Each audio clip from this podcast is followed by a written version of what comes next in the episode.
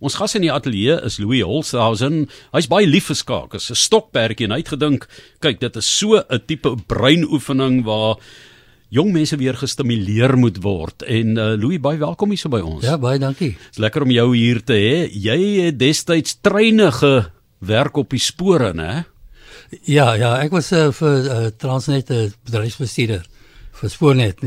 Toe die loop van die treine was nou my verantwoordelikheid geweest. Wanneer hulle waar en hoe en so, maar dis omtrent 'n skaakbord en 'n skaakspel. Ja, en om hulle betyds te kry. Dit is die ding. Ja, maar mens kan nie betyds wen nie. Jy kan net wen al vat dit vir jou hoe lank. Ja. Skaak is 'n baie geduldige sportsoort, né? Dit leer 'n mens uh, verskeie amper kan sê positiewe eienskappe. Ja, verseker, dit is nie net 'n uh, goed vir die ontwikkeling van die brein en so nie, dit het ook ander sosiale uh voordele. Uh, mense leer om uh, aan te pas om jy moet kan verloor ook met verkieslik nie, maar as dit nou nie anders kan nie, dan dan moet jy dit ook kan doen met uh met grasie. Ek het al gesien hulle staan op met die hele skaakbord wat kantel as hulle verloor. Ehm um, ek wil nou nie sê curios tipe van soos in die tennis nie, hulle slaan daarmee die goed stukkend nie, maar ja, dit, dit leer 'n mens dit ook aan, maar jy onthou die dae van was dit ehm um, uh, Bobby Fischer Bobby en Fischer, Boris Boris Spassky, ja. Ja, ja, daai geweldige ja. Belangstelling in skaak daardie tyd, Ja, hè. ja, dit is so ja.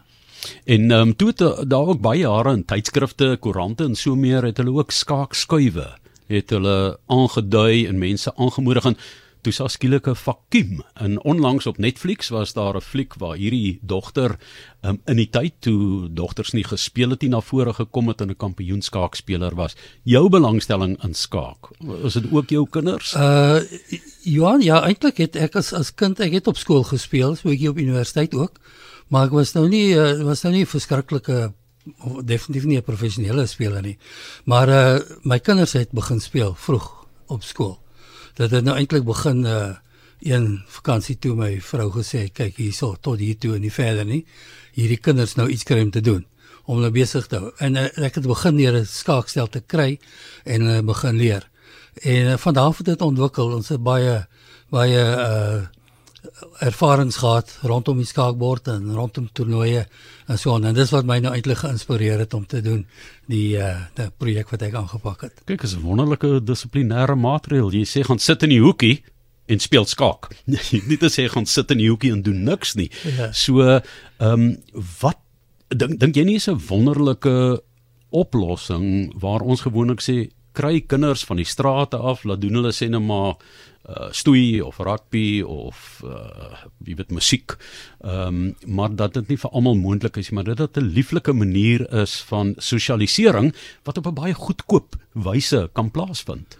Ja, dit het net nie vir 'n besondere voordele wat skaak inhou.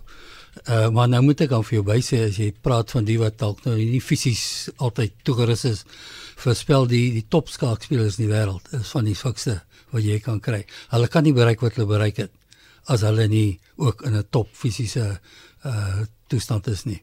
So hulle moet kyk wat hulle eet en kuier en drink en O ja. so meer um, Ja. want want jy het stamina nodig oor 'n lang tyd, ja, né? ja, verseker. Hoe lank is die langste skaak spel wat jy nou al gekyk het? Uh ek onthou het, in een van die toernooie die die gewoonlik uh, die spelle is die 4 4 en 'n half ure die lang spelle, die groot spelle.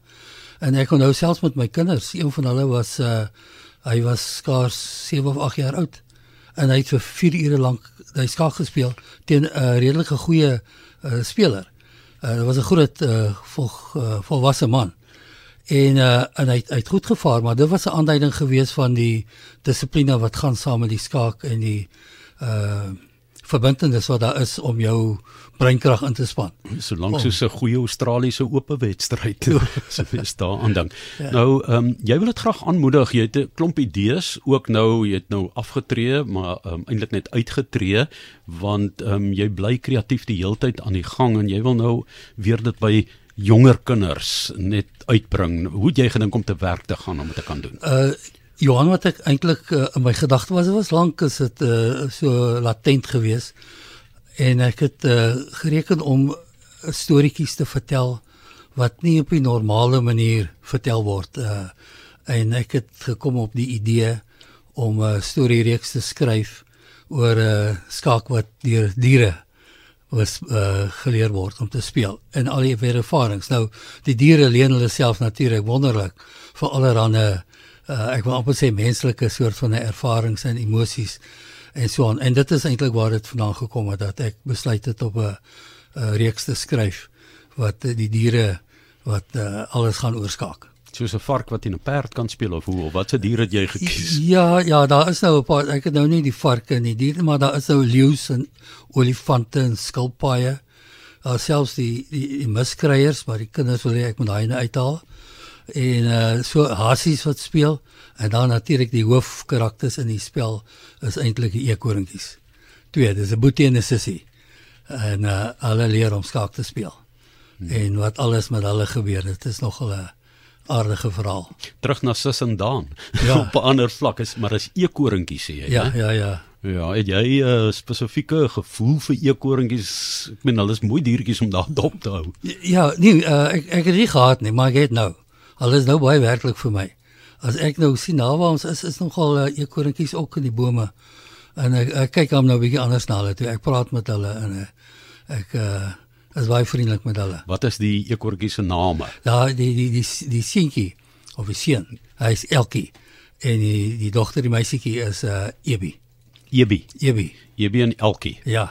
Ja, en ehm um, Ebi en Elkie hoe het hulle nou op skaak afgekom in die dierewêreld? Wel, hulle was ook nou skoolvakansie, né? Net soos ons skool was en toe hulle in die bos rondgedwaal. En toe hulle weer sien toe hulle aan die einde van die bos. En toe hulle daar uitkyk oor die veld waar nog nooit was, toe sien hulle iets vreeslik snaaks daar onder die boom.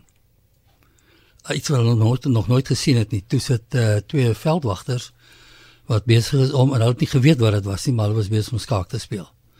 So hierdie eekorentjies het nou allerlei planne gemaak en skelm gaan loer uit die boom uit om te kyk wat gaan skaak en daar daar die storie begin. Hulle moes toe nou begin planne maak om 'n bord in die hande te kry en uit te vind wat die reëls is en uh hoe die bord gepak word en so aan. Louis Olsters en sy liefde vir skaak wat hy met ons deel. Louis het nou gesê dit kan tot 4 ure duur, maar jy kan nie 'n 4 ure lange storie vertel om jong kinders van sê net maar 6, 7, 8, 9 se aandagspan te bou nie, want dit is deesdae 'n uitdaging. So, hoe het jy te werk gegaan met die prosesering van hierdie werk in wording van jou om skaak na jonger mense te neem? Ja, eh, dit is nou nogal toevallig amper 4 ure, maar hy's opgedeel in uh 46 episodes van so 5 minute elk. Elke uh, verhaaltjie kan eintlik op sy eie staan. Dis een een reeks sodat jy moet eintlik maar die hele uh, klomp luister om die gevoel van die storie te kry. Maar uh, elke storie kan eintlik op sy eie staan ook. Jou seun het provinsiaal skaak gespeel. Ja, ek het, ek het drie kinders, twee van hulle het provinsiaal gespeel. Een was amper daar. En uh so hulle dit op skool hulle was baie betrokke geweest by die skaak, ja. Nog steeds?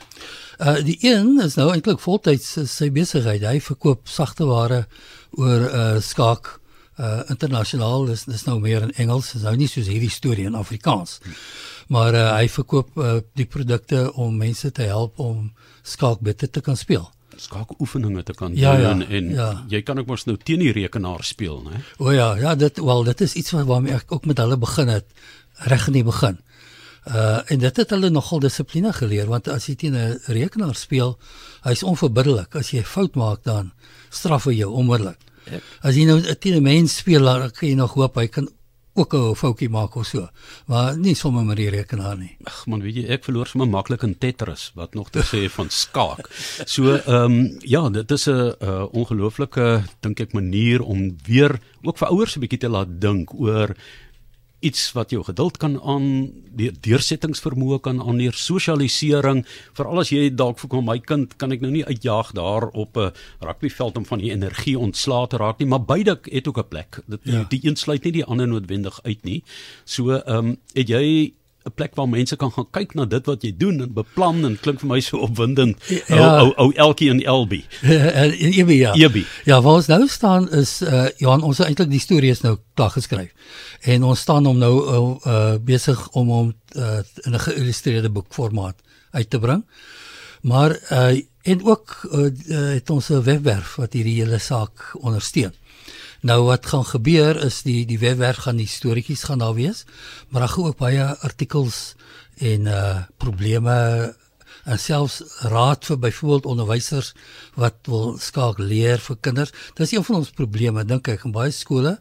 Die onderwysers sien nie regtig kans om skaak aan te vat nie.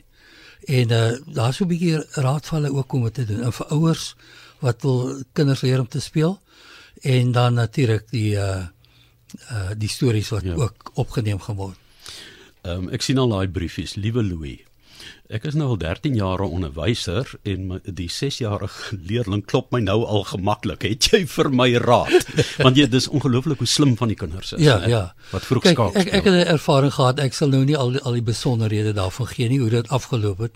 Maar ek het toe juist toe die kinders, dit was in beginskooljare op graad 1, graad 2 en ek het gesê as jy vir my 3 maal na mekaar klop, dan gaan ek vir jou groot persent uh, kom. Nou 'n deel van daai storie vind ook in die in die inskakel. O, jy het hom ingewerk ja. daar. Wel, kom maar op neer, maar wat eintlik gebeur het is en dit was nie 100 jaar gewees nie voor die einde van daai vakansie.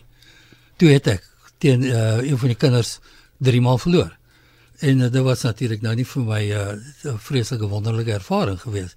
Want ek het dan op skool redelik goed gespeel. Dit was nou nooit 'n groot meester nie, maar daar's hy. Maar daar is kinders wat uitsonderlik goed kan speel. Skaakmat, ons tyd is verstreke. Maar okay. um, wat is die webtuiste waar mense kan loer? Uh ja, die een hy is tans in die ontwikkeling. Maar mense kan ook daar hulle, hulle adres los. Ons sal hulle op hoogte hou van die ontwikkeling. Dit is www.skaakstories.co.za skaakstories.co.za Louis Holshausen wat by ons gekuier het. Sterkte met hierdie opwindende projek. Baie dankie Johan.